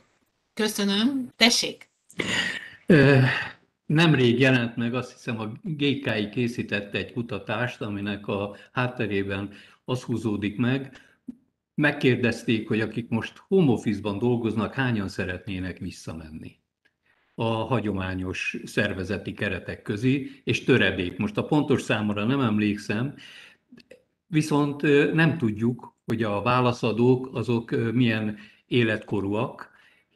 Én a generációs vagy technológiai kérdés mellett behoznék egy másik kérdést is, mégpedig ha valaki szervezetből került távmunka körülményei közé, és nem akar visszamenni, az lehet, hogy esetleg menekülni akar egy rossz szervezetből. Tehát én még behoznék egy dimenziót, egy új dimenziót, ami adott esetben lehet, hogy azt jelenti, hogy, hogy ott, ahol rossz a munkahelyi légkör, ott, ahol a vezető és a munkatársak között konfliktus van, ott lehet, hogy például azzal, hogy én otthon dolgozom, bizonyos szervezetben megjelenő konfliktusoktól, mobbingtól, bármitől menekülök. Hiszen eddig nem beszéltünk egy kérdésről, mégpedig az, hogy, hogy ha valami kezd tömegessé válni, az egyben azt is jelenti, hogy annak mindenki számára nagyobb az értéke? És akkor mi alapján mondjuk azt, hogy mondjuk a, a, a távmunka kezd elterjedni, akkor az mondjuk egy valamilyen szempontból vonzóbb, vagy mások számára értékesebb foglalkoztatási forma, tehát értékről nem beszéltünk. Hiszen most a pandémia váltotta ki tulajdonképpen a tömeges távmunkát, illetve a tömeges home office. Elnézést, hogy egy új kérdést teszek fel én is. Igen, hát ez nagyon érdekes felvetés valóban. Vannak olyan foglalkozások, ahol bebizonyította és olyan munkahelyekről bebizonyította a pandémia, hogy teljesen fölösleges bemenni, és esetleg valóban konfliktusos környezetben lenni, illetve hát egyáltalán, ahol emberek vannak, ott, ugye, ott, generálódik a, a konfliktus talán jobban, mint hogyha távmunkában dolgozunk, úgyhogy ez is egy nagyon fontos szempont. És akkor ennek kapcsolatban szabad azért azt megjegyezni, hogy volt szó arról is, hogy hát Adél mondta, hogy milyen nehéz ez a kommunikáció megtanulni, hogy hogyan hogyan lehet úgy akár viccet elmondani, vagy reagálni valamire, hogy ez ne legyen bántó, hiszen hiányoznak a gesztusok. Valóban ez egy tanulási folyamat, de aki már régebb óta használja a, a az e-mailt, az tudja, hogy igen, ott hangsúly, magam, mint anya, a gyermekeimnek a figyelmét erre felhívtam, ott hangsúlyozottan kell a, a, használni a, a, a kedveskedő szavakat, kifejezéseket, tehát e-mailben a, a kérem szépen, nagyon köszönöm, az nem túlzás, még hogyha hiányzik, vagy csak egyetlen egyszer van benne ez a szó, akkor akár bántó is lehet. Úgyhogy, úgyhogy ez nem csak a kiégés, meg nem csak a, van egy kérdés, a, amely arra vonatkozott, hogy az érzelmi intelligenciát, empátia hiányát, stb. Rom, nem rombolja el, hogy a, a, a kommunikáció beszűkül. Bizonyára van olyan vannak olyan szempontok, amiben rombolja, de én azt gondolom, hogy ennek egy nagyon jelentős fejlesztő hatása is van, hogy meg kell tanulni digitális módon kommunikálni, és digitális módon elnyerni valakiknek a szívét. Egyébként születtek már kapcsolatok a home office előtt, interneten keresztül, tehát igenis föl lehet, és most nem a képekre gondolok, hanem chatben felvett kapcsolatokra gondolok. Tehát ez is csak egy ilyen, hogy én is fölvessek valami új szempontot, Köszönöm szépen Nemeskéri Gyulának, és hát itt, van a, itt vannak a további kérdések. Előadó, előadóinkat kérdezem, hogy valamelyikre nem szeretnének-e reagálni, nagyon jó lenne, ha elmondanák gondolataikat. Igen, Adél? Köszönöm szépen. Ö, olvastam itt a kérdéseket, és láttam, hogy többe is felmerült, hogy mennyi az ideális home office mennyisége egy héten. Én úgy gondolom, hogy erre valójában válasz nem létezik. Tehát, hogy fekete-fehéren erre nem lehet válaszolni, mert munkakörtől, személyiségtípustól, szervezeti kultúrától fog függeni, hogy kinek mennyi az ideális. Ahogy ugye az előbb már elhangzott, vannak erre most már felmérések, hogy nagyon sokan nem szeretnének visszatérni a, az irodai munkakörnyezetbe. Vannak olyan munkakörök, ahol ugye ez teljesen jól működhet is. Ezért szerintem nem lehet meghatározni, hogy van-e olyan, hogy ideális mennyisége ennek.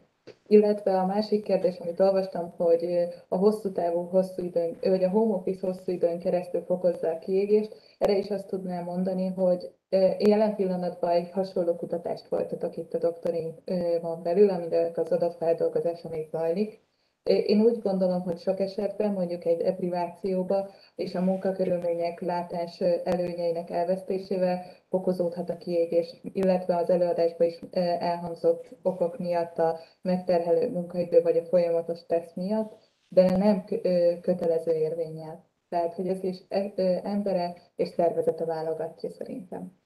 Köszönöm szépen. És ez azt tenném hozzá, hogy, tehát, hogy az érem másik oldalát villantotta fel most a délén is, mint anya, hogy háztartást vezető ember, most férfi vagy nőgyen, tehát az valabban kényelem is, hogy a közben lehet kimosni, amíg közben az ember dolgozik. Tehát oda szalad, bedobja a mosógépet. Meg amikor már úgy is egy kicsit nem baj, ha megmozgatjuk magunkat, akkor meg kiteregetünk. Tehát ez mindenkivel el kéne végezni ezt a munkát, mindenképpen, de akkor este vagy hétvégén kellene elvégezni, tehát nem biztos, hogy ez feltétlenül minden esetben hátrányos lehet. Továbbá, ami a, az intim szférákról, meg a túlterheltségről szól. De az se baj, ha a gyermek látja, hogy, hogy anyu apu otthon dolgozik, és őt most nem lehet zavarni. Tessék szíves lenni a szobából kimenni, és elfoglalni magunkat. Tehát ez egy nagyon izgalmas dolog, hogy a, hogy a család hogyan viszonyul ezekhez a helyzetekhez. Vajon nem tanulunk-e meg, e, e, nem, de nem kényszeríti rá a, a, a, a külső világ a, a családokról, hogy esetleg egy kicsit disziplináltabban neveljék a gyerekeket, amelyekkel kapcsolatban lehetnek az eddigi tapasztalatok alapján fenntartásaink, már mint a túlságosan gyermekközpontú viselkedéssel kapcsolatban. Újabb kérdések érkeztek, úgyhogy várom a Demetrovics Zsolt, hogyha szeretne valamit mondani, vagy Nemeskéri Gyula, Hát én is csak megerősíteni tudom, amik itt előtte elhangoztak. Tehát én is azt gondolom, hogy tehát, hogy borzasztó összetett ez a, ez a kérdés, és egyébként, amit elnök asszony fölvetett, a, a, az is ugye egy kétoldalú dolog, szóval hogy van, van, aki szívesen halmozza ezeket a feladatokat egy multitasking keretében, van, aki meg mosogatás közben pont kikapcsolni szereti. Tehát, hogy nem, nem tudhatjuk, ugye ez egy, egyik, egyik hátulütője a home office-nak, hogy, hogy ezek a köztes idők is megszűntek. Tehát, hogy akár a, amíg korábban mondjuk az egyik értekezletről átment az ember a másik értekezletre, ha csak egy másik szobába, de ha egy másik épületbe ment 20 percig, addig is valami más csinált. Ha más nem mozgott, tehát hogy, de hogy az agya is más csinál. Most ugye 0-0-kor befejezzük, és 0-0-kor kezdjük a következő értekezletet, tehát hogy, hogy hogy nagyon sok, és hát ülünk folyamatosan, tehát hogy nagyon, nagyon sok olyan tevékenység, akár, hát most akár ha egy egyetemi oktatóra gondolok, az, az is akár, tehát az nagy különbség, hogy ülve tart az ember x órát, vagy, vagy, vagy akár járkál. Tehát, hogy nagyon sok mindent, és ebben tényleg, amit Adél is mondott, hogy ebbe, erre azért nagyon különbözőképp reagálunk. Tehát, hogy valaki jól bírja otthon, és, és élvezi ezt a helyzetet, van, aki, van akinek meg, meg hiányzik. A saját kollégáim között is látom, hogy van, aki nagyon hatékonyan tud otthon dolgozni, valakinek nagyon hiányzik az a, az a fajta bentlét, együttlét, közös, közös gondolkodás, vagy ilyesmi, ami, ami azért a fizikai együttlétben megtalálható. Azt gondolom, hogy ilyen munkáltatói vagy munkahely, munkaszervezési tekintetben leginkább azt láthatjuk, amit nem is tudom, talán Péter vetette föl a, a, az előadásában, hogy ugye most nagyon sok mindent megléptünk, amiről korábban úgy beszéltünk, hogy hát lehetne így, meg lehetne ezt online csinálni, de, de aztán nem csináltuk. Most megvan a lehetőség, hogy levonjuk a, a következtetéseket, tehát hogy szétválogassuk egy-egy területen, de ahogy az Adél mondta, szerintem általános szabály nincs, tehát hogy nem, nem is lehet. De hogy egy-egy munkahelyen egy-egy munkaközösségben megtaláljuk, hogy, hogy mi az, ami egyensúlyos lehet, hogy mi az, amit érdemes lesz megtartani akkor is, hogyha nincs kényszerítő körülmény, és mi az, amit örülünk, hogyha eldobhatunk. Tehát, hogy szerintem ezt, ezt érdemes lesz elemezni, de valószínű, hogy ez tényleg munka, munkaközösségenként, akár kisebb csoportonként kell megtenni, akár figyelve, vagy mindenképp figyelve arra is, hogy feszültségek elkerülhetőek legyenek, mert ugye ez adott esetben egy kivételezés lehet, hogy valaki otthonról dolgozhat, ha nincsen kényszerít, akkor mit mond a, a másik, a másik mit mond, ha neki nincsenek olyan között, hogy, hogy, hogy ez egy kényes és összetett dolog, de a lehetőség ott van abban, hogy most, ha kényszerűségből is, de kipróbáltuk, akkor, akkor értékeljük ezt a helyzetet, és, és mondjuk le a következtetéseket. És nyilván ennek lehetnek nagyobb rendszer szintű szabályozásai is, akár abban, hogy, hogy, hogy ezt hogyan teszik lehetővé egy-egy, egy-egy, nem tudom, vállalat vagy intézményrendszer szintjén, de a működtetés az szerintem a, a kisebb munkaközösségek szintjén érdemes végig gondolni. Köszönöm szépen ezt a végszót, mert pont arra akartam irányítani a figyelmet, hogy itt, hogy Adé is mondta, hogy a javaslatokra van szükség nem az, az elemzés után, és egyikünk se említette eddig itt az állam felelősségét, amelynek abszolút előnyt tulajdonítok, tehát megteremteni annak lehetőségét, hogy mindenki hozzáférjen ezekhez a digitális eszközökhöz, ebbe semmilyen pénz nem lenne sok. Itt a távoktatás kapcsán több kérdés is volt, hogy a gyerekek kényszerű távoktatása egy időben nagyon sok problémát jelentett, kivéve azokat, hogy azok is problémát jelentett, de mégiscsak könnyebb, ahol volt annyi számítógép, a hány gyerek, és volt jó internet kapcsolat, amelyik elbírta. Azon kívül az, a, a, a, a, hogyan oktatnak a, a, tanárok tudnak-e, jó, ugye ez az hiszem, nem tudom, Adél vagy Péter említette, nem is tudom hirtelen, hogy nem készültek megfelelő anyagok a távoktatáshoz, alatt, hogy Zsolt említette, tehát ez, ezeket igenis támogatni kellene, sőt követelményeket támasztani, de úgy, hogy annak ahhoz lehetőséget is nyújt. Tehát az állam, az állami politika szerepéről nem beszéltünk, pedig ez is egy olyan dolog, azt hiszem, amit csak alulról szerveződve nem lehet megnyugtatóan megoldani. Igen, ki előadóink közül még igen, Gyula. Én is ezt szerettem volna alátámasztani, mert úgy gondolom, hogy a megoldás több, több szereplős. Tehát ugyanúgy megvan az államnak a feladata, a szervezetnek, a szervezet vezetőinek, a családtagoknak, és hát természetesen, aki otthon dolgozik. És néha az az érzése az embernek hallgatva különböző megoldásokat, akár állami szinten, akár szervezeti szinten, hogy maga a távmunkás, a home office-ban dolgozó magára marad. Tehát tőle várjuk el, hogy old meg, hogyan oldod a stresszt, hogyan, oldod, hogyan szervezed meg az otthonlétedet, stb. stb.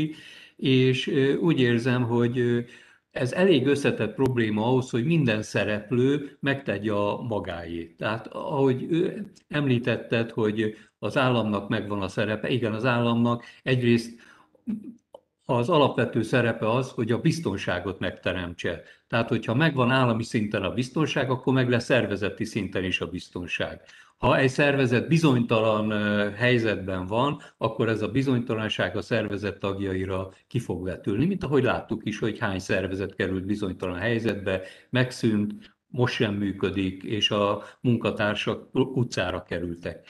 Itt biztos, hogy hogy ez nem csak szervezeti, hanem állami probléma is. Hogy mit teszek annak érdekében, hogy például a biztonságot meg tudjam teremteni a, a munkatársaim részére. Állami probléma például az oktatás megszervezése. Az, ami itt távoktatás címen történt, az nem távoktatás. Az csak egy, az csak egy mechanikus közvetítő eszköz és valami volt, semmi köze nem volt annak azokhoz a rendszerekhez, amiket jelenleg például a mostani technikai színvonal megengedett volna. Nem igaz, hogy másfél év alatt ne lehetett volna kidolgozni alapvető e-learninges oktatási anyagokat. És még folytathatnám a sort. Ugyanúgy a szervezeteknél is voltak olyan szervezetek, amelyek emberbarát és, és nem tudom milyen empatikus módon oldották meg például azt, hogy a munkatársaik ne kerüljenek utcára, és voltak olyan cégek, amelyek minden lelkismeret furdalás nélkül legelőször ahhoz nyúltak, hogy elküldjék a munkatársaikat, és nem folytatom a sort. De az biztos, hogy úgy érzem, hogy ez a pandémia megmutatta, hogy nagyon gyakran az egyénre hárítottuk a megoldás felelősségét és terhét. Igen, köszönöm szépen, holott itt komoly társadalmi problémák húzódnak a, a mélyben, én ezért is vetettem fel az állam felelősségét. Időközben Adél, Péter, Zsolt, valamit még témához? Annyit szerettem volna csak hozzátenni, nem megvédve az államot, mert nincs, egyrészt nem szorul rá, másrészt pedig nincs miért, de hogy nagyon nehéz dolog ezt jogalkotói szemmel végignézni. Itt most elsősorban a munkaidő és a munkavédelem kapcsán fett jogalkotási dilemmákról beszélek. Tudnék, azért azt, azt, azt nem, szerintem nem lehet jogi értelemben generális szabályt alkotni a munkavé, munkahelyek összességére, hogy hogyan kell valamit megoldani. Mondok egy egyszerű példát. Az a dilemma, most ugye én gyakorló ügyvédként is dolgozom, minden nagyobb vállalatnál felmerül, hogy elő lehet-e írni azt, hogy valaki oltás, csak oltás mellett dolgozhasson, tehát lehet-e azt jogszerűen mondani, kötelezhetjük-e arra a munkavállalókat, hogy beoltassák magukat. És ugye ez egy látszólag egyszerű kérdés, igen, nem. Ugyanakkor, ugyanakkor, hogyha ezt egy picit jobban végig gondoljuk, nem akarok nagyon elszakadni a home office csak hogy a logikát érzékeltessem, Azért nincs rá jó válasz, mert hogy ez mindegyik munkáltatóra egyénfüggő, pontosabban szervezetfüggő, hogy lehet-e vagy nem. Mondok egy szinte egy példát, mondjuk egy kórház esetében nyilvánvalóan elvárás az, hogy azok az emberek, akik ott gyógyítanak, azok, azok beoltottak legyenek, be legyenek oltva, és, ne, és csökkentsük annak a kockázatát, hogy, hogy betegeknek áthatassák a, a vírust. Ugyanakkor én már nem vagyok abban biztos, hogy mondjuk egy termelőüzemben ugyanezt a kockázatértékelést ugyanilyen formában le lehet tenni. Nyilvánvaló az, hogy aki egy légtérben van, az, az fertőzhet. Tehát, hogy van egy ilyen típusú kockázat, ugyanakkor ez a fajta joga-joggal való ütközés, kollízió, ez, ez mindig egyedi mérlegelést igényel ebből következik az, hogy, hogy azért a, a jogalkotó nagyon óvatosan nyúl ezekhez a kérdésekhez. Én magam is azt gondolom, hogy lehetett volna valamiféle legalább iránymutatást adni, akár a home office kapcsán is, de hogy, de hogy azért egy ilyen kérdésben szerintem nagyon kógás szabályt nem lehet alkotni, mert az talán több gondot okoz, mint amennyit megold. Köszönöm szépen.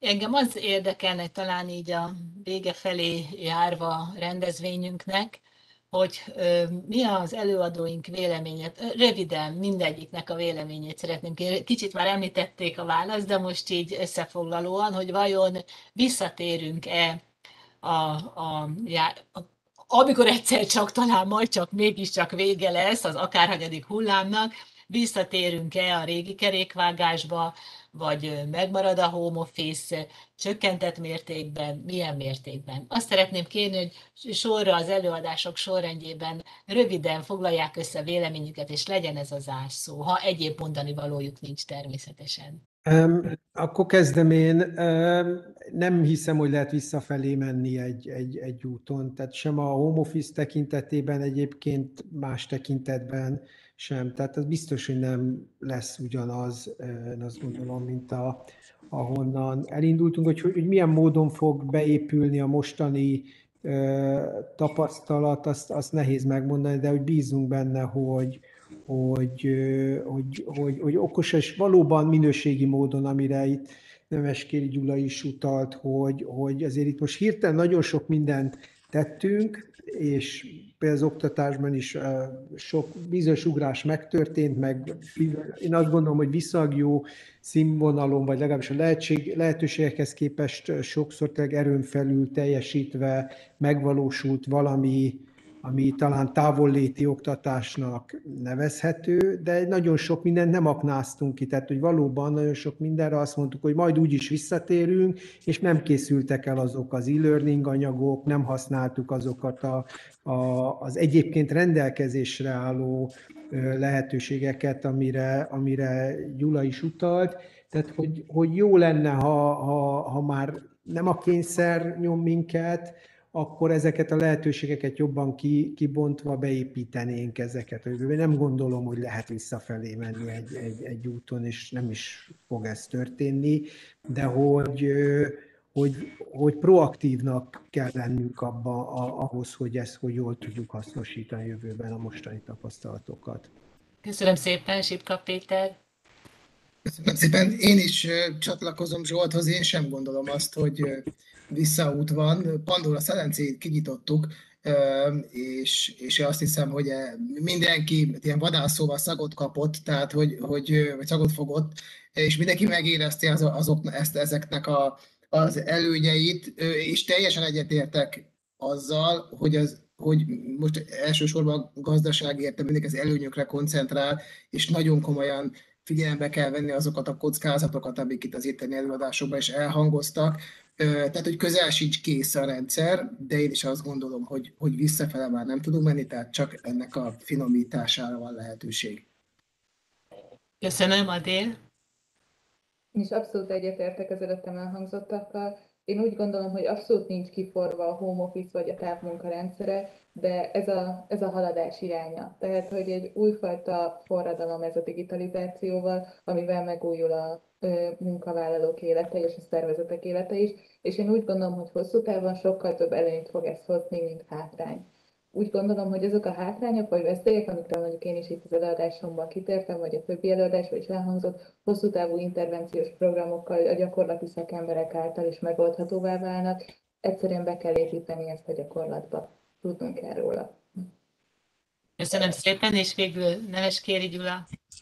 Szerintem sem lehet visszatérni már a pár évvel ezelőtti gyakorlathoz. A kérdés inkább az, hogy tudatos, tervezett, átgondolt fejlődés áll előttünk, vagy pedig egy adhok, spontán, sok buktatóval járó fejlődés. Én természetesen az előbbinek drukkolok. Meg szeretném köszönni előadóinknak ezt a nagyon érdekes workshopot, a résztvevőinknek a nagyon izgalmas kérdéseket, remélem, hogy többé-kevésbé kielégítő választ kaptak, és a hallgatóságnak a figyelmet, és kívánok mindenkinek jó egészséget és stresszmentes home office-t. Viszontlátásra!